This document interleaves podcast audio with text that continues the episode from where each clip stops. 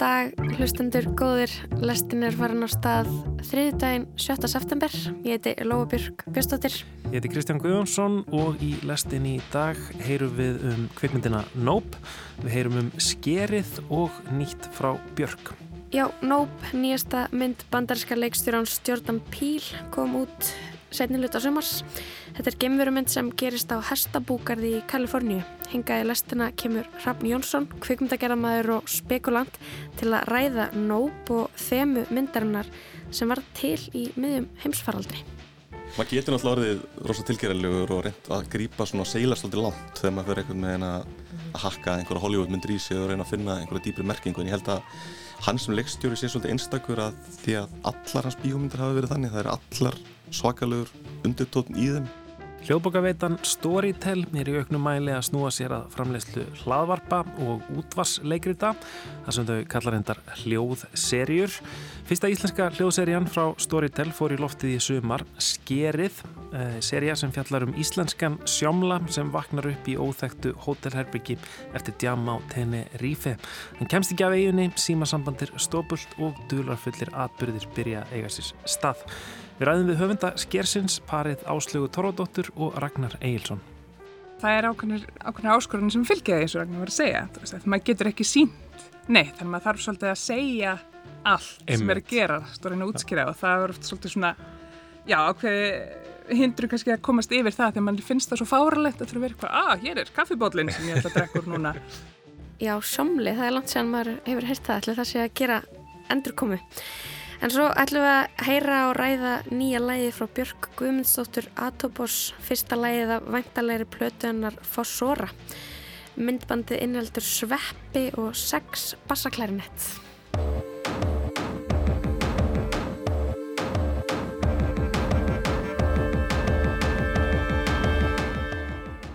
Við lustum á lægið í heilsinni og eftir. Ég er bara strax svona spendur.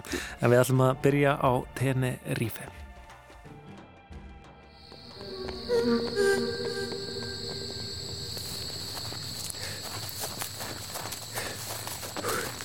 Fokk, fokk, fokk, fokk. Ég vissi það, þetta var, þetta var allt og gott til að vera satt. Ég meina, hver kaupið drikki fyrir hópin allt kvöldið? Ég þekk þetta fólk ekki neitt. Fokk maður, þau ætlu öruglega, ha, þau ætlu, þau ætlu öruglega að ræna með eitthvað. Fokk, ætlu það að setja eitthvað í drikki minn. Ég lætu ekki taka mér svona. Jesus Christ, maður djöfisist fokkin ruggl. Ég held að það hefði týnt mér. Ok, nú þarf ég bara að finna pjessa. Skotans.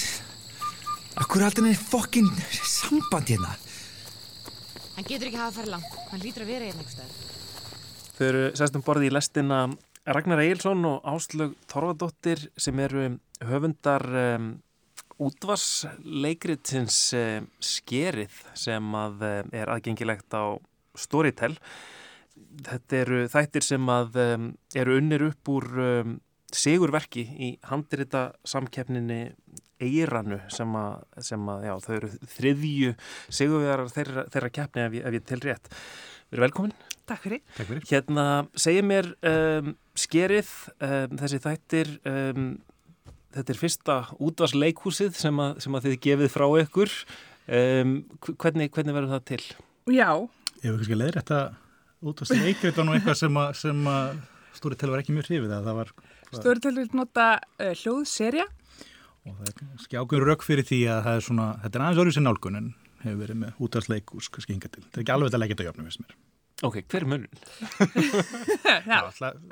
Fyrsta lega er þetta í hlaðvarpsformi þannig að fólk getur neitt þess á sínum tíma og þeirra hendar Sex þættir, mm -hmm. allt í allt framhald þættir klukkutími hver cirka bát eða svona 50 myndur og hérna já það er kannski aðeins ríkari hljóðheimur og þetta er að sækja í hefð erlendis frá sem hefur sem þú verið kallað dramatized podcast. Þannig að þetta er raunin að nálgast þetta form frá hlaðvarpsendanum frekar en útvarsendanum þannig að það hefur svona smá hrif á tóninu eitthvað, það er kannski svolítið já, það er verið að fetta nákvæmlega fingur út í það en, en svona mm -hmm. Já, en aftur á mótið minn þá er þetta kannski meira skilt út af sleikus heldur en hljóðbækur. Þetta er leikið og það er, einmitt, þetta eru samtöl og svona ekki bara upplestur á sögu. Nei, einmitt, það, það er leikur og það er alls konar, alls konar hljóð, hljóðvinnsla og hérna Algjörlega, hérna, algjörlega, mikill og svona, já, ríkur, hljóð hérna. nákvæmlega, hljóðheimur, nákvæmlega. Já, við erum mjög ánum með leikarahópin og, Mm. og hann er, eins og segmyndi sér, nokkuð stór, meira sem með við útastleikus og gullöld þeirra, sko, þannig að þegar mikið í þetta lagt á hálfu stóritölu og við erum mjög ánum með það. Einmitt. En hvenar, hérna, hvenar ákveðið að taka, taka þátt í þessari handreita samkjöfni? Það er nú bara, já, svona svipuðum tíma á síðast ári, myndi ég segja. Þá sáum við þetta auglist og höfum svona lengi talað um það okkur langa að fara að gera eitthvað, eitthvað skapandi saman og hérna, og vorum á leiðinu þannig á, í ferð til Teneríf, fyrsta Voruð- skipti sem fór til Teneríf. ekki alveg komin út þegar hugmyndin fættist. Jú, í rauninni svo, já. Og Hérna, þá fæðist þess að þessi hugmyndum þennan mann, hann, hann Ása, okkar, sem að er, já, vaknar þarna einn daginn fyrir frí til Tenerife með vinni sínum og vaknar svo einn daginn bara inn á nýju hótelherbyggi og veit ekkert almennilega hvað hann er. Eins og gerist. Eins og gerist, hefur komið fyrir okkur öll. En Þarna er kannski svona svolítið að leika okkur með að hafa mjög kunnulega típu úr íslensku bókmyndum og kvikmyndum en láta í mjög óvinnulegar aðstæður. Þannig að þetta er kannski aðstæðna verða mun flóknar en bara hann, hann rangi við svo hótelherbyggi og svo ekki sagða meira. Hann, hann er svona að reyna að komast að í hver hann er og hver skal halda og, og kannski Já. í ákveðinu uppgjöri við sína fortíð og fleira. En við fengum með tömdun hann úti þegar við vorum meðal hálf innleiksa sjálf í bæ hérna í Tenerife þau keirt niður eitthvað fjall sem að bílinn þóldi valla að fara aftur upp sko. Þannig að og, og hérna náðum ég að leikur símasambandi og vorum bara fórum hálflæst svona með henni. að veltaði fyrir okkur hvað myndi gerast ef við værum bara föst, þannig að kemst aldrei aftur heim. Og já, þá svona upp frá því eh, var til þessi hugmynd og, hérna, og þessi karakter svona, sem að einmitt, eins og Ragnar kemur inn á, við kannski svona þekkjum, þekkjum öll, eða svolítið ákveð kannski stereotýpa Einmitt. af svona íslenska sjómlanum, eins og hann. Og hann lendir þarna í alls konar ævintýrum, það er hérna svona einhvern veginn mjög uh, dulafullir, dulafullir hlutir í gangi á þessari, á þessari eigu sem að, já, er, er, er eða er ekki Tenerífan uh, Akkurat, fyrir að vera svolítið óljóst og, og hérna og svona ein, einhver svolítið svona köld stemning og, og, og hitt og þetta svona undarlegt í gangi. Og, já, Akkurat, já, á þess að hérna gefa ómikið um það, þá já, þá er svolítið, já, svona var það allavega það sem við varum að reyna að gera er að kippa svolítið fótunum undan hlustundum bara með reglum millibili.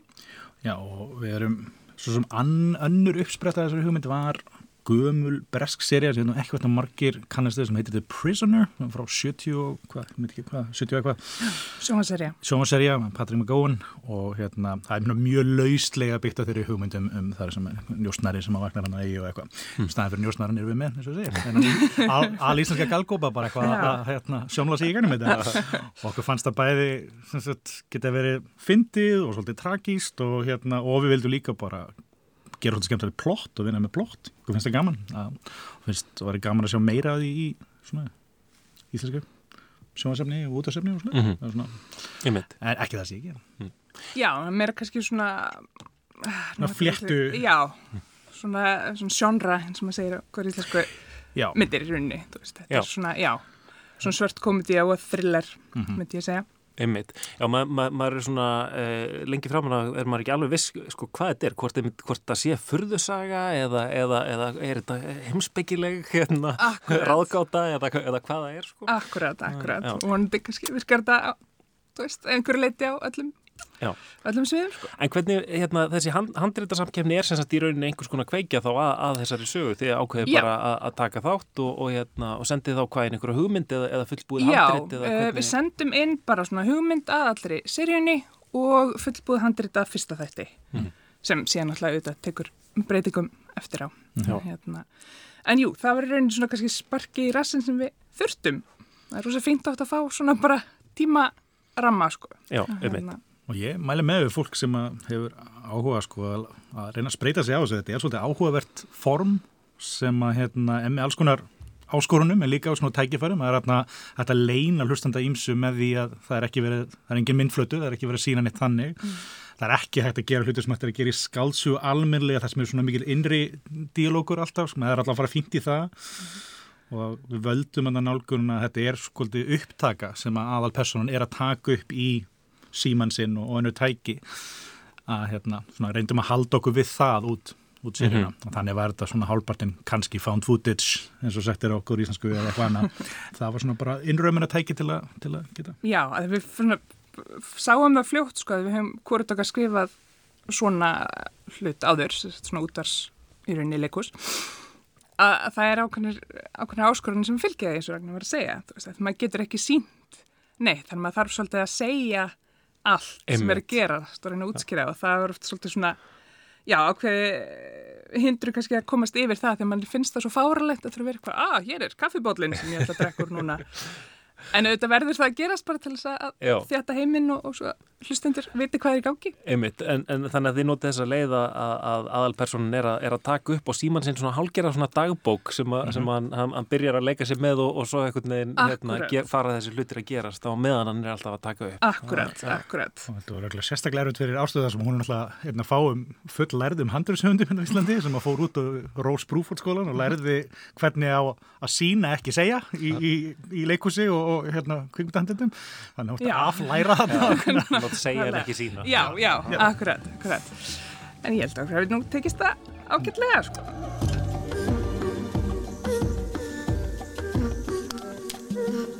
Jæja, þetta er þetta ganga. Gengur. Gengur, eitt, tveir, gengur. Held ég gangi heim, held ég gangi, jæja, komið. Jæja. Kæra dagbók. Æjá, það er aðstæðanlegt. Mér liði nú hálf kjánulega með það. En ég ætla að láta á aða. Ok, byrjum á stóru spurningunni. Hvernig komst ég hingað? Ekki hugmynd. Vaknaði bara hérna fyrir klukkutíma síðan í rúmi sem ég kannast ekkert við, í herbergi sem ég hef aldrei sé áður. Hvaða klandur ertu nú búin að koma þér í, kallið minn? Er þetta ekki bara fyrsta um, svona serían frá Storytel eh, á Jú. Íslandi? Hljóðserían ef, ef, ef ég mann akkurat, rétt Já. akkurat, jú þetta er sem sagt uh, bara eitthvað eitthva svið sem að þau eru búin að ákveða að færa sig inn á, held ég auknum mæli ég held að verði nú alveg örgulega fleiri í söpjöndur, þau voru búin að gera þarna Hemingway seríuna sem var svona einhverju leiti til leikin en að mestu leiti til svona heimildaserja en þetta er fyrsta svona algjörlega leikna hljóðserjan Þannig að, þannig að þið hefur bara verið með uh, fólkinu á Storytel í rauninni að læra þetta Já, já, hérna, akkurat, við vorum voru öll að- svona bara ferli. taka okkar fyrstu skref. Og, hérna, en þú veist Ragnar kom inn á aðan þá var alveg frábært að vinna með þeim og þau voru rosa Já. til í þetta og gáfið mikið í þetta og segja öll bara próduksjónin í kringum þetta er og bara rosa eindalt og, og, og lít fólk sko Mhm. og Já, og vorum samskipti nákvæmlega. við þannig Já. Og hvernig, hvernig var svona að, að sjá þessa hugmynd síðan verða, eða heyra þessa hugmynd verða að veruleika? það var mjög skemmtilegt svolítið tögatrekkjandi Já. Hérna, svona, já gengum um golf heima hjá okkur aðalega ég, ég, ég, eftir að hlaupa myndi að hæða sko þetta því að ég ætti svona að maður er erfitt með að heyra eigin, eigin texta lesin Já, og stundum finnst maður eins og hann hafi verið að lesa alveg kolrant og eitthvað og á öðrum skiptum finnst maður þetta frábært en þetta er alltaf veldið maður er þrammandi um nákvæmlega, nákvæmlega en bara við erum gríðalega ánægð sko. Rosalega. þetta bara kom rosalega vel út Já, þannig að þið voru ekki þannig sem með í, í, í ferlinu? Nei, við raunin bara afhendum handritin Já. og jú fengur svo að koma og heimsækja upptökur Mhm. og eitthvað, en nei, við vorum í raunin að hlusta á þetta í fyrsta skipti í heild sko, bara á sama tíma og voru með aðskiptum Það er hlustendur, leikstjóra sko. þarna og, já. Já, ég meit. Þetta er náttúrulega, þetta er útrúlega skemmtilegt form. Ég, hérna, ég bara lendið til dæmis í, um, um, um daginn, þá var ég að- hlusta á, held ég, man ekki, þriðja þáttu eða eitthvað svoleiðis og sem, sem að þá fara svona svolítið svona undarlegi hlutir að gerast og, og ég lá upp í rúmi og var svona einhvern veginn í svefnrófanum sko, hérna, ma maður hlustar náttúrulega á þetta oft í, í, í heyrnatólum og þetta er svo rosalega nálægt manni, maður er einhvern veginn inn í sögunni, kannski en, ennþá meira heldur en kannski þegar maður horfir eitthvað á skjá, maður, þetta er einhvern veginn maður er inn í hausnum á personinni og það er búið að rosa skemmtilegt að fá viðbröðið mitt frá hlustendum sem heyra það að því að sumir einmitt saman sem sé með ása aðalpersonin alveg gríðarlega mikið. Til dæmis eitt vinnur okkar sem að bara þurfti að hætta að hlusta eftir held ég með þriða þáttu eitthvað því hann hafði sem miklar áhyggjur af ása. Og hvað myndi koma fyrir hann? Bara gati ekki meir. Og svo er mitt aðri sem að þú veist hafa átt svolítið erfitt með hann fyrst því að hann finnst það svo pyrrandi og þálandi en þú veist, já ekki aðtóða sem til við þetta bara hvað hva sveppið mér þetta fólk er, skrítið, sko, og það er allir góð að hafa sínu skoðinu En já, fólk er mitt virðist lifa sér rosa mm. mikið inn í þetta já. sem er alveg bara frábært við, fyrir okkur að heyra sko. Við hlustum mjög mikið, það er búin mikil aukningi framleyslu á svona efni, sko bæði hjá BBC og svona hérna eldri stofnunum og hjá ímesskonar nýjum uh, hlaðvarps fyrirtækjum og ég verið búin að vera nokkuð dúlega að hlusta á ímess konar svona dramatísk verk og grínverk og hryllingsverk mm. Og hérna þetta er eins og segir, það er eitthvað við þetta og bara venjulegt hlaðvarp líka þess að fólk er að spjalla um dagina veginn að það er einhvern veginn nánd í þessu og fólk er held ég að koma meira og meira í útvarp og hlaðvarp í setni tíð, þetta er mm -hmm. gott í líkjusrækt og í bílnum mm. og við ýmsar aðstæðar sem ekki hættir að neyta annar að miðla og það er svona þessi, þessi nánd þess að segja sko. mm -hmm. Já, þetta er aðtilsvert hvernig hérna út af leikhúsið, ég ætla bara að nota þetta gamla orð, veist, sem hefur kannski ekkit verið sérstaklega, þótt kannski sérstaklega töff svona á setni, setni árum, um, hvernig það er einhvern veginn greinilega gangi í gegnum enduníun lífta með, með hlaðvarpinu og, og hérna, þessari umbreytingu Akkurat. þá í, í hljóðserjur ef, ef við notum hugtakið frá, frá Storytel. Einmitt, einmitt, og þannig að það sem er skemmtilegt við þetta form er að þarna er maður miklu minna bundin af alls konar, þú veist, hindrun sem maður er oft hérna eins og bara sem var svo kvíkmyndabrassunum eitthvað eins og budgeti og peningum, þú veist, að mm. þarna er hægt að, þannig gáttu við fara til Teneríf og verið með 10-20 manna leikhóp, þú veist, Já. en samt erum við bara í litlu stúdjó í skefunni, þannig að það er, það er svo miklu möguleikar, það er hægt að fara til game, það er hægt að fara mm -hmm. til helvitis, himnaríkis, hvert mm -hmm. sem er. Einmitt. Hvað hérna, um, þið segið að þið hafi verið að hlusta svona, heyra, heyra hvað er að gerast í þessum bransa, er, er eitthvað svona sérstætt sem að þið mæli með, er, er eitthvað, hvað, hvað er það besta sem er að gerast í? Sko ég var hann að munna nafna einu núna, þú vorum að tala um vöxtin í þessu, mm. því að byrja nú að hlusta eftir að klára, en það var svona gíslatöku seria með John Hamm sem var svona gefur til kynna í hvað er mikið allir með stórum leikurum og sjónvarpi og bíomundur sem eru fannir í þetta form Uh, Passenger List fóru við að hlusta þarna og Já, svo hafa verið nokkra Lovecraft útværslu sem hafa verið mjög skemmtilegir á BBC sem hafa einmitt svolítið gert upp á þetta eru símtöl og diktafón upptökur mm. og einmitt skonar verið að nota margar tegundar hljóðtökum Já, og þetta verðist verið svolítið mikið kannski hryllings Það hefur áttaldið vel við Já, mm -hmm. að því að mitt er að gera svo mikið með hljóðunum sko. Mm -hmm og maður er svo einn einhvern veginn að hlusta á þetta já, já. bara með, með þeim sem les. Einmitt, og eins, eins og ég segi þegar ég láði þarna í svebrónum og allt í náttúrulega var hemmi gunn mættu þarna og, og ég var bara eitthvað sko, ok, hann er að vera að geða ykkur ég er að vera að geða ykkur og veist þetta svona, maður er alveg með. Já, það var frábært Það er hendut fyrir hrylling Við viljum hafa áhrif á, á geðhelsu íslendinga. Sætlási minn. Hæ? Hvað er að gerast? Hvað er að gerast? Ég, ég, ég held mig að þið dreymdi. Já, já, það er nú algjör draumur í tós að vera vinnur ása. Vi, við nota sem bara gefur og gefur. Þú ert rödd í haustum á mér og ekkert að þessu er umverulegt. Ég er örglega ekki einu svoni í þessu húsi. Ég er heima á Íslandi að sofa úr mér eða upplifa verstu martröðu allra tíma. Já, ef ég er ímyndun, af hverju get ég gert þetta? Það... Láttu mig í friði! Trúur mig núna? Ok, ok, ég, ég trúi þér. Ég er ekki heimasofandi, ég er í helvíti. Þi, þið segið að, að, að, að sumir, sumir hata aðalpersona aðrir elska. Hvernig einmitt hafa viðtökurnar almennt verið? Finnst ykkur eins og, eins og fólk hafi verið að hlusta? Já, bara, já, ég vil ekki segja að það kom okkur óvart og þetta vonum alltaf til þess að fólk myndi hlusta.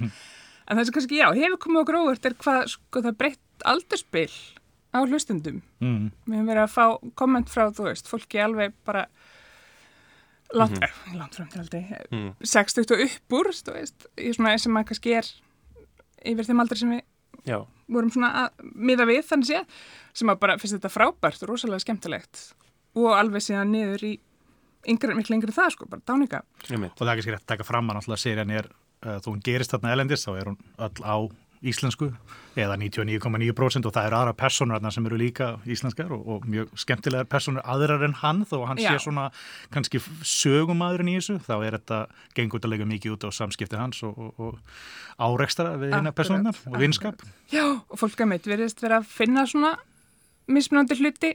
Sem finnst það bara fyndið og skemmtilegt meðan öðrum finnst þetta svolítið áhugavert og, og þú veist, skemmtilega pælingar og það er svona að fara meira inn í kannski fantasíu Mhm. elementið af þessu og eitthvað þannig að það er, þú veist, held ég eitthvað Já. sem að flestir geta fundið þannig Einmitt. það hafa gaman að. Einmitt. Nefna mömmu, henni fannst þetta rosa rögglislega.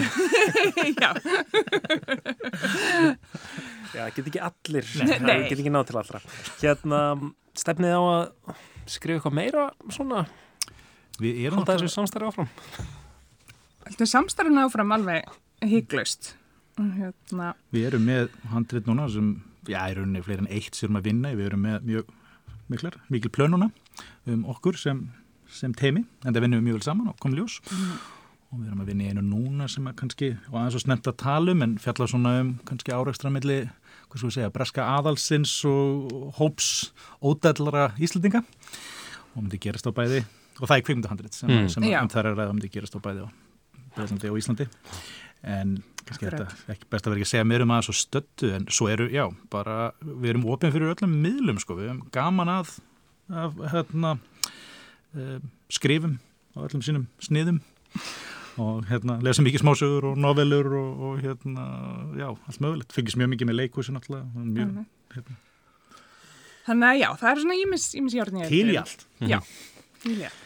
Mjög gott, hérna, en fólk getur núna heyrt skerið á, á Storytel Ragnar Egilson og Áslöð Þorðardóttir takk hjá fyrir komin í lestina.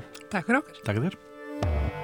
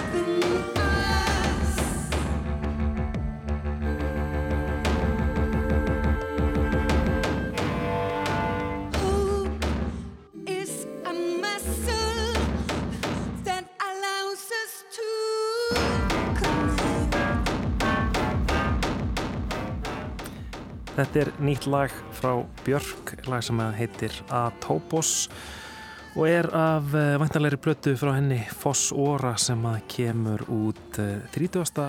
september. Eh, kom út myndband við þetta lag í dag eftir Viðar Loga og þarna er kannski verið að setja fram svona þá, þá sjónrænu fagafræði sem mun eflaust vera áberandi í kringum alla þessa plötu Fossóra. Hérna, kannski bara að byrja með hérna, Fossóra, ertu búin að skoða hva- hvað þessi titill þýðir? Nei. Nú kannt þú latínu. Já, betur, fossóra. Þú lærir Já, latínu. er þetta svo latnest orð? Já.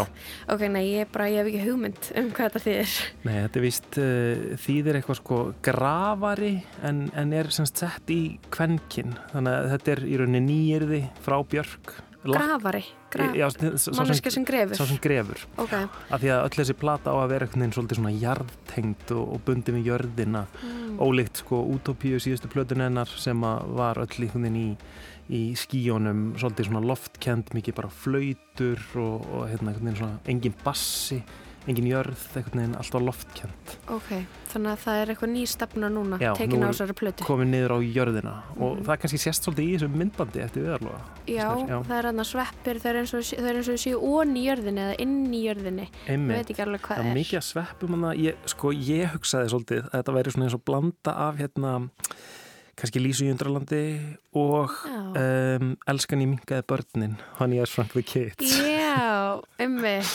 Já, það, mér finnst það alveg, það, ég skil alveg hvaðan þú fær það.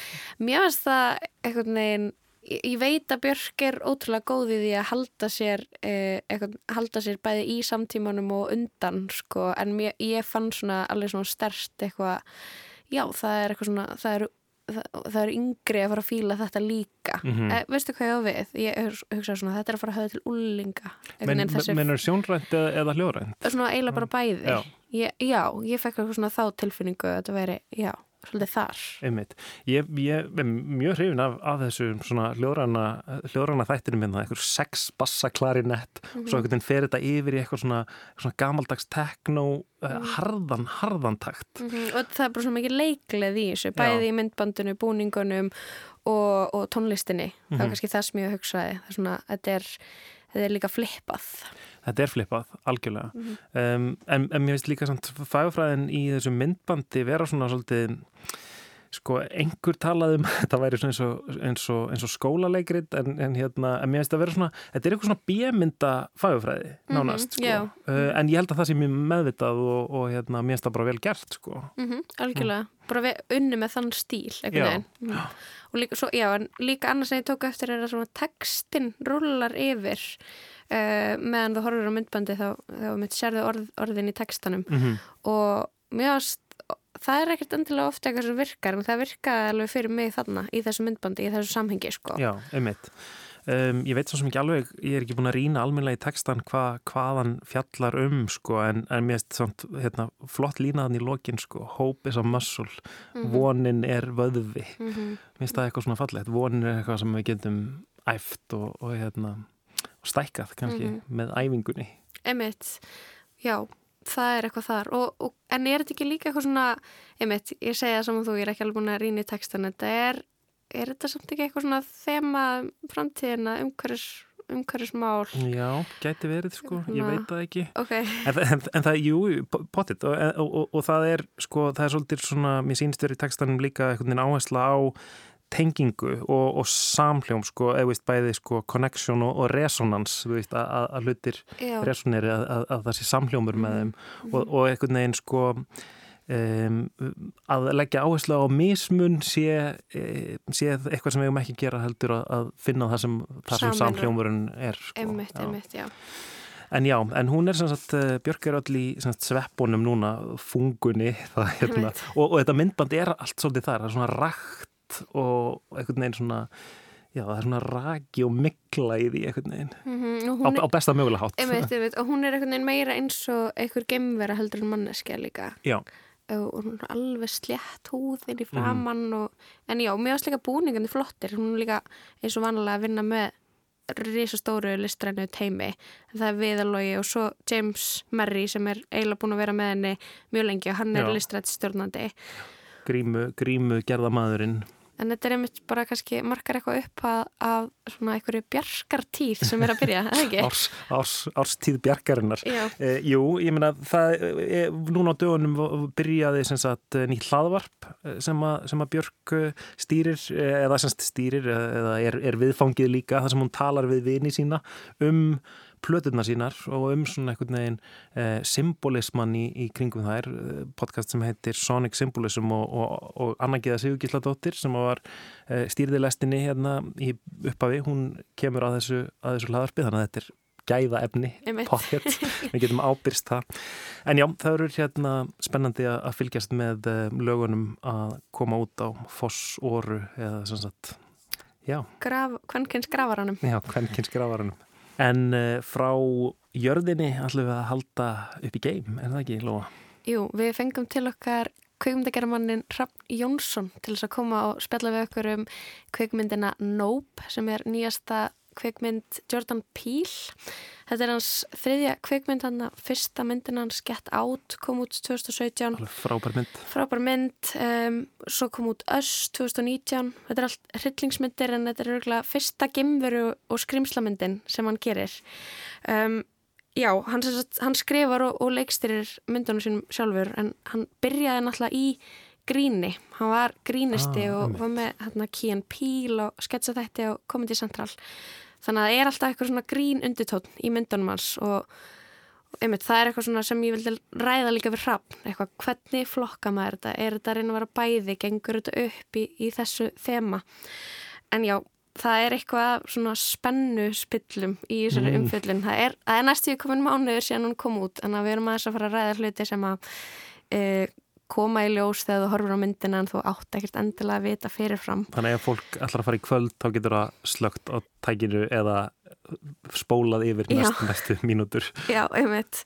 Þau Daniel Kaluuya og Kiki Palmer fara með aðluturki myndinni. Þau eru stjórnundar í Nope. Uh, nope, það var einhverjir komist að því að það stendur fyrir Not of Planet Earth, ekki af plánundinu Jörð, ekki frá plánundinu Jörð.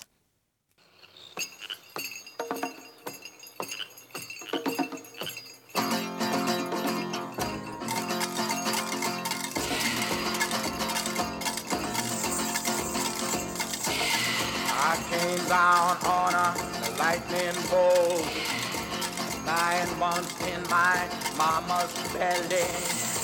When I was gone, the midwife Hingað til minni komin Hrafn Jónsson. Vertu velkomin. Takk. Við erum að fara að spjalla um nýjustu kvikmynd Jordan Peele, Nope. Þú ert búin að sjá hana. Ég var að sjá hana. Þú ert eiginlega nýbúin að sjá hana, eða ekki? Jú, svona bara fyrir tveimtugum, þannig að ég er alveg ferskur. Þú, þú ert mjög ferskur í henni. Mér langar að byrja sko aðeins að, að velta fyrir mér hvaða undirgrein kvikmyndana þið finnst hún falla í. Hvert myndið þú setja hana? Sko, Jordan Peele er svolítið svona áhugaverður uh, áhugaverð svona eining í kvikmyndageði Hollywood, af því hann er búin að svona hann kemur inn í þetta náttúrulega úr einhverjum svona uh, grín, sketsa stand-up heiminum, sko, og er svona fræður grínisti og fer beint yfir í að vera svona málar upp sem svona hrottlaukjuleikstjóri og þessi mynd eins og hinn að tvær myndunar hans uh, Get Out og Us er svona kannski í grunninn hrottlaukja En þetta er samt allt svona einhverjar, þetta er allt svona eitthvað konceptbíó sko. Þetta er einhvern veginn svolítið bara handan þess að vera kannski flokku sem eitt eða annað. Uh, svona horfur á hann yfirbúrin þá er þetta rauninni bara svolítið svona skrimslamynd.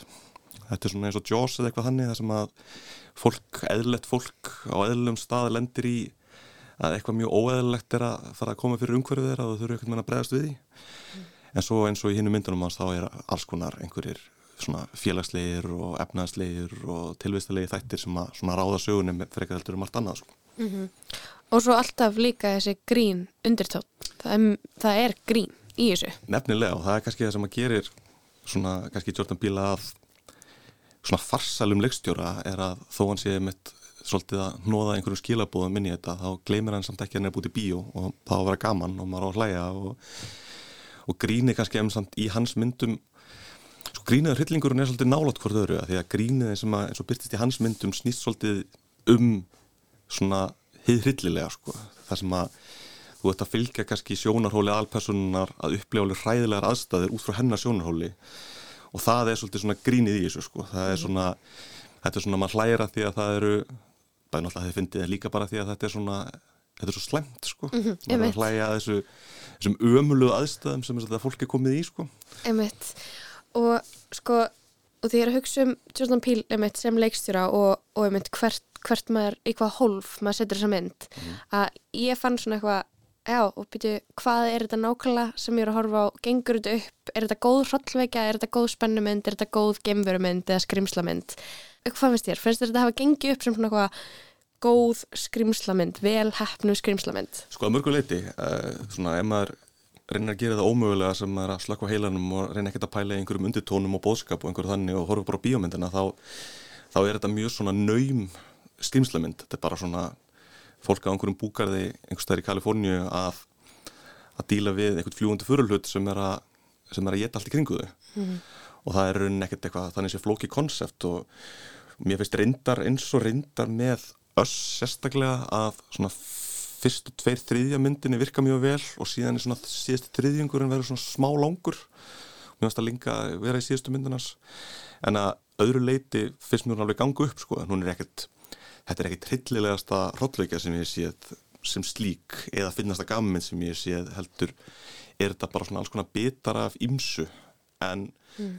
maður getur víða. Algjörlega, en maður getur samt, eins og ég segi, það er ómögulegt samt að skilja svona bóðskapin og, og þemurnar frá plottinu og þann, það er held, þetta helst svona allt svolítið mikið í hendur. Mm -hmm. Einmitt, ég kannski tölum aðeins um, um þemun. Ég, ég mitt gekk út af myndinu og ég hugsaði, hvað er þessi myndir hann að segja mér? Hva, hver er bóðskapurinn? Uh, áttaðir þú þig á einhverju, einhverjum bóðskap eða er kannski orðið úreld að spyrja sig hver bóðskapur einhverja lista er, listar er?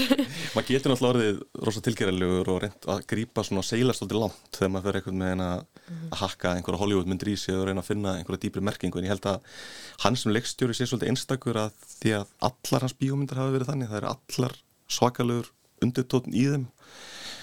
Uh, gett átnáttúrulega með svakalega sterkum þessum kynþáttu undirtón. Og svo sem alla myndinarnas hafa það en svona hún svona sérstaklega og síðan í öss ertu með svona ramparðu upp í að taka svolítið stjætta undirtónin og, svona hvernig bandari samfélag tekur á, á, á minnlutahópum og þessi minna mega sín og fátökufólki og öðru slíku. Og það er svo sem þetta er svona svipuð þemu sem er að vinna hér og maður svona skinjaði það alveg ég held að svona besta senan í myndinni sem ég fannst eiginlega bara að ramma inn hvernig ég upplifiði bóðskapin í myndinni er snemma í myndinni þessum að eina af aðalpersonunum, hann OJ sem er hestatamningamæður Mm. Heitir í skemmtilega nafni OJ. Já, sem er einnig fyndi brandar einmitt um bara strax í þessari sinu Já. að þegar hann er að mæta þess að á Hollywood sett að taka upp auglýsing um hestin sinn og það er svona maður finnur svona hvað honum líður illa þarna óþægilega, þetta er ekki aðstæða sem hann hefði verið í, sérst pappans hefði verið átt búkarinn og hann er dáinn og hann hefði sérst, þetta er svona Hollywood hestabúkarður. Og þau sérst eru fjölskeldir sem stæra sig af því að uh, fyrsti rammin í kvikmynd uh, sérst með svartu knapi og hestbaki hafi verið langa, langa, langa afið þeirra. Þannig að Mhm. þau eru svona kvikmynda frumbyggjar og svona maður skinnir í þeim að þau upplifa að þetta sé svolítið svona glimtur partur á sögunni þannig að það er alltaf svona ræða sem fylgir að hvaðan við komum og allt þetta Did you know that the very first assembly of photographs to create a motion picture was a two second clip of a black man on a horse? And that man is my great great grandfather. Great. There's another great grandfather. But that's why, back at the Haywood Ranch, as the only black owned horse trainers in Hollywood, we like to say since the moment pictures could move, had skin in the game. en hann er þarna á þessum, þessu kvikmyndasetti og það er svona svo augljóst að enginn ber virðingu fyrir því sem hann er að gera og þetta er svona tvíþætt að því að mér er svona rosa stór þemu í myndinni fjalla um hvernig fólk kemur til þess fram með dýr svona svolítið ágangur manna og dýra það er bæði þessari sögu með hestana og hvernig fólk kemur fram með hesta og, og upplöfu þá og Líka hann að apa, Og apa- sagan sem er apasagan einhvern veginn sko. saga inn í, sa, saga inn í sögu. Einmitt.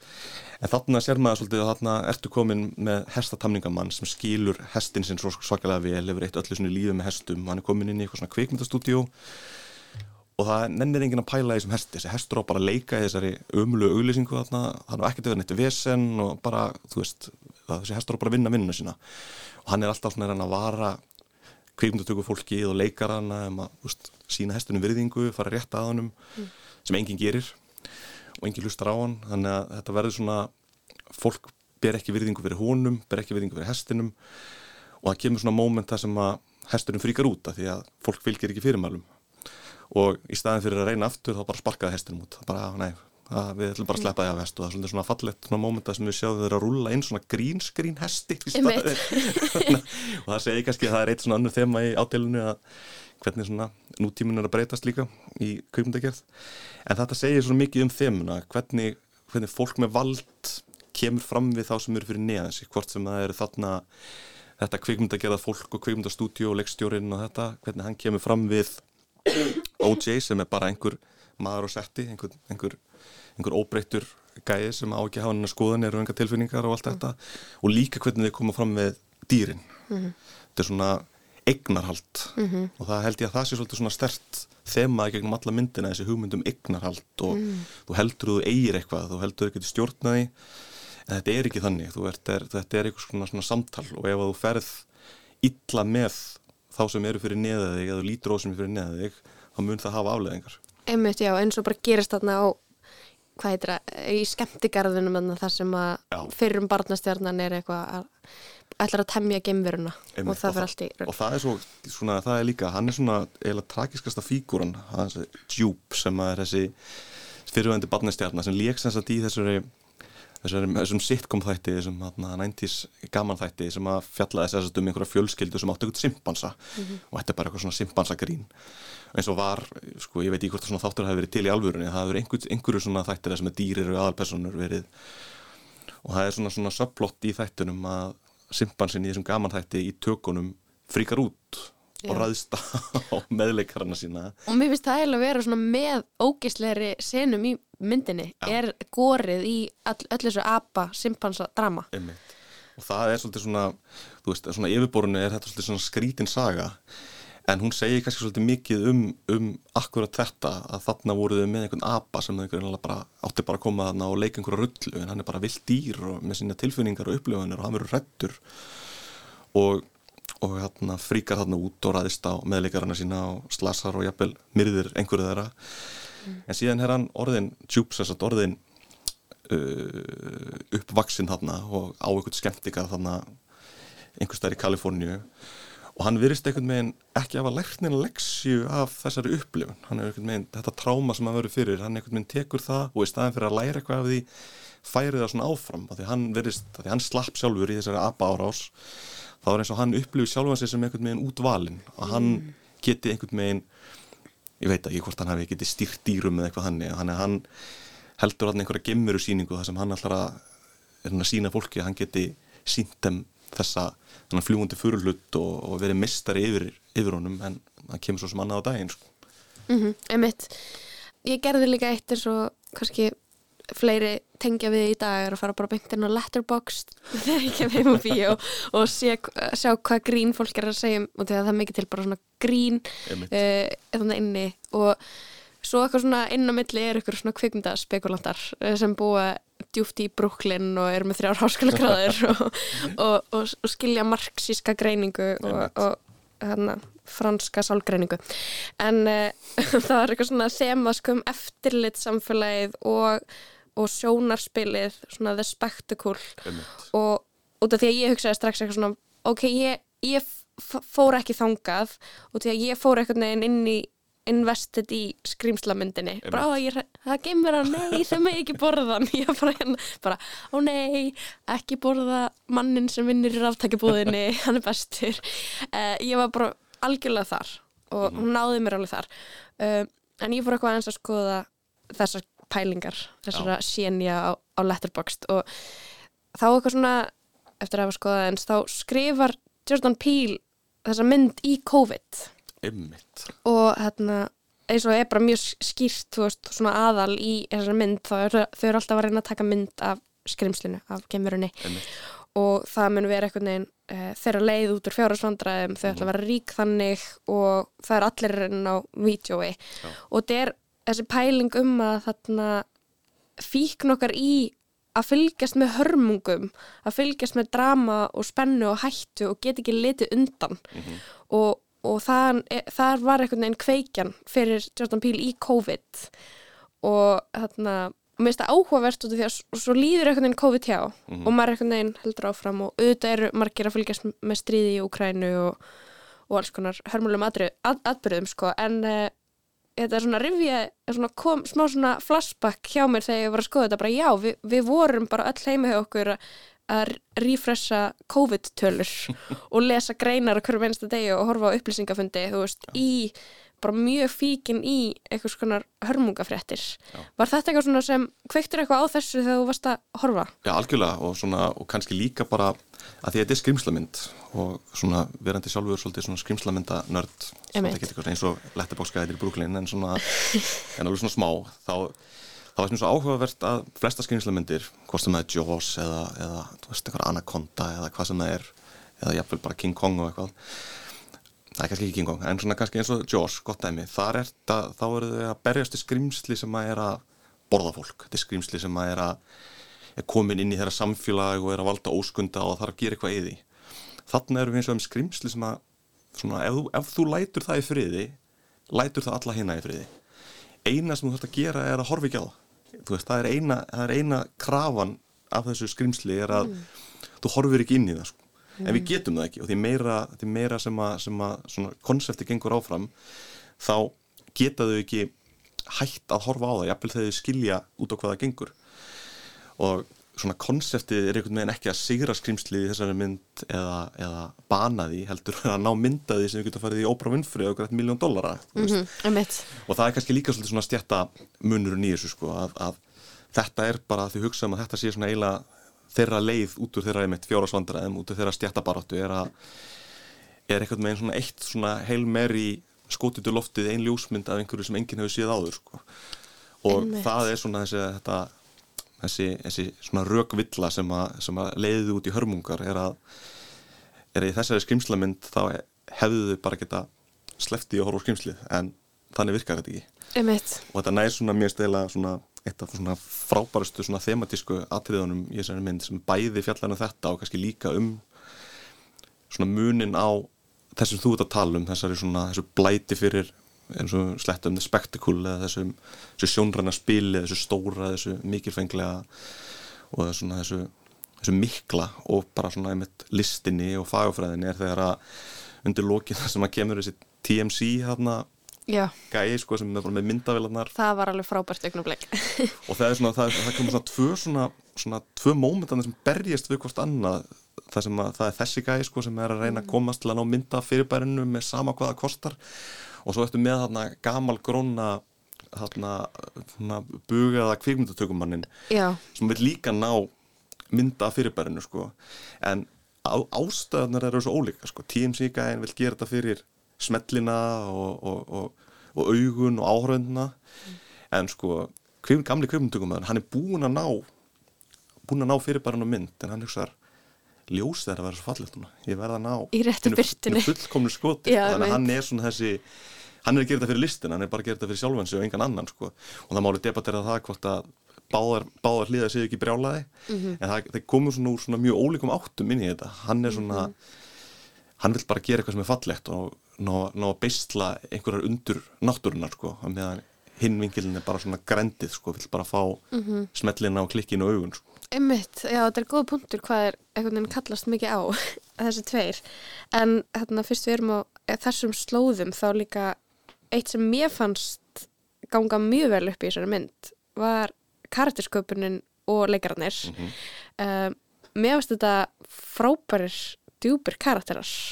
Og með þess að allir sko og eins og sérstaklega þegar þú tala um djúb sem að maður byrja svona að teikna upp og hann verður einhver svona skítall, hann er einhver svona vondikallin hann sko, en hann er svaka bara svona tragísk fígura sem þessi svona gæði sem er að kaupa alla hestana þeim og er að reyna að kaupa búkarinn þeir allir þess að bara að reyna að búa til einhverja stóra síningu til að kannski gefa lífinu síningu tilgang.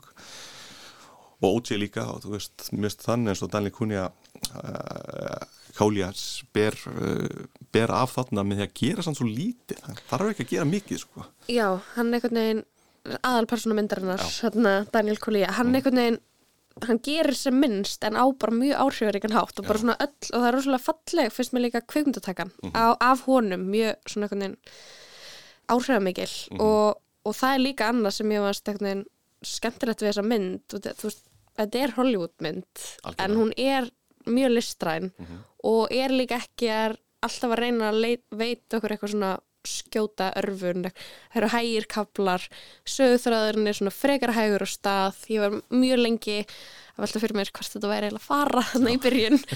Ok, þetta er hestatemjarar. Ok, hvað er að fara að gerast? En sko náttúruskotin og kvimdatakan og skíin og mér finnst það allt mjög flott. En, en það er líka annað í þessu sem er eitthvað neginn sem er geimveran sjálf. Hvernig fannst þér hún? Ég hef ekki séð svona geimveru áður. Hún er klikkuð sko af því hún er, þú veist, hún á að vera þarna og nú er þetta, þetta aftur um hluti sem að kannski ef fólk hefur ekki séð myndina það verður bara að hafa það. Þetta, er, þetta er hönnun sko af því hún er svo viðkvæm. Hún er svo, þetta er ekki svona eins og gemur sem einhverjum ímyndaðir eða skrimsli eins og ímyndaðir. Þetta er svona þetta er eins og búið til einhverjum svona ég veit ekki hvernig þetta er orðað eins og, eins og einhverju efni eða lagi eða einhverju, hún er, hún er smá fyndin sko, það finnst það, þetta er svolítið eins og sett að vera með svona fyrst eins og leðmenn eins og að vera að soga fólk upp í einhvern svona ég veit ekki hvað, svona hoppukastala eða eitthvað þannig sko.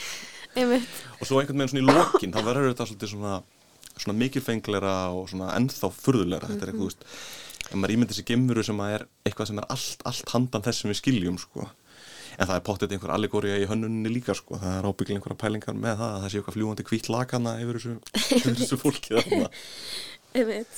Um, já, en að lokum þannig að þú veist búin að sjá hinna myndina stjórnum píl, hvernig, hvernig fannst þér þessi í samanbyrði? aðeins að vilja styrir einhver svona, koma einhverja tilgjörlega frasa en þetta er kannski svona þroskaðasta myndinans það er svona það er svona kannski mestir svona núansar í henni og eins og þú segir, þú veist, maður getur lesið hana á alls konar mismundu vegu.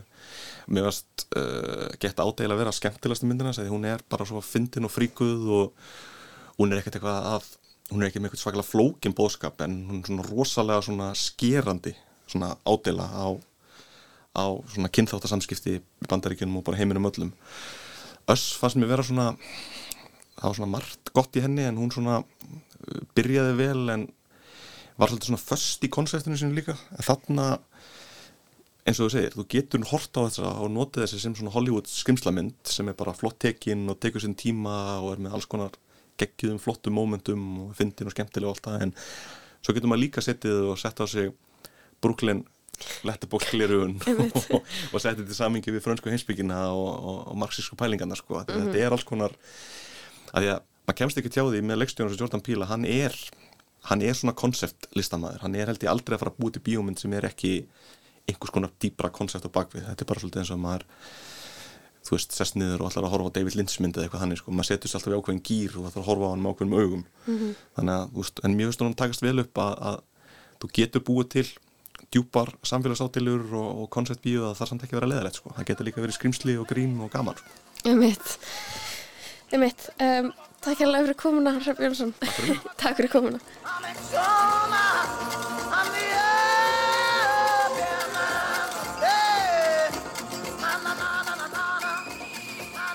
Lag úr nýjustu mynd Jordan Peele, lagið Exuma Opea Man með Exuma. Við vorum að spjalla við Hrafn Jónsson um Jordan Peele og Nope. Já, við látum þetta vera að loka orðin í lestinni í dag við Kristján og Lóa verðum við aftur á saman tíma á morgun. Tæknum var Lítiða Gretastóttir, verðið sæl.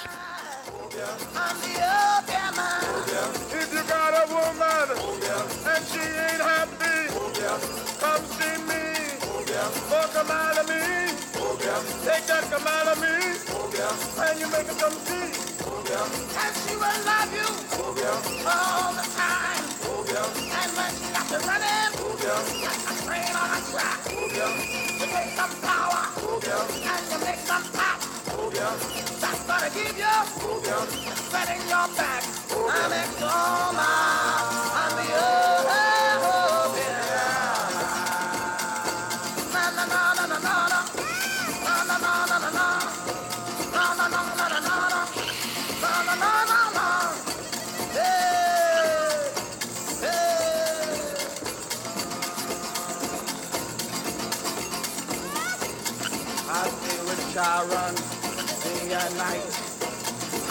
with Tugamana, Hector Hippolyte. Oh, bear, oh, bear, oh, bear, oh, bear's in me. I drank the water from the, fiery sea. I'm in Doma.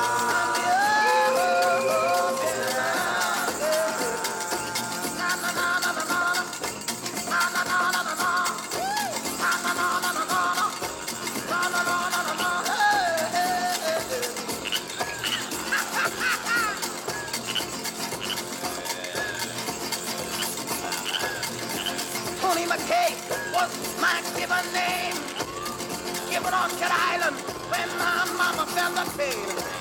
Creatures of the earth, they and land. I'm a Zuma, I'm the urban man. I'm a Zuma,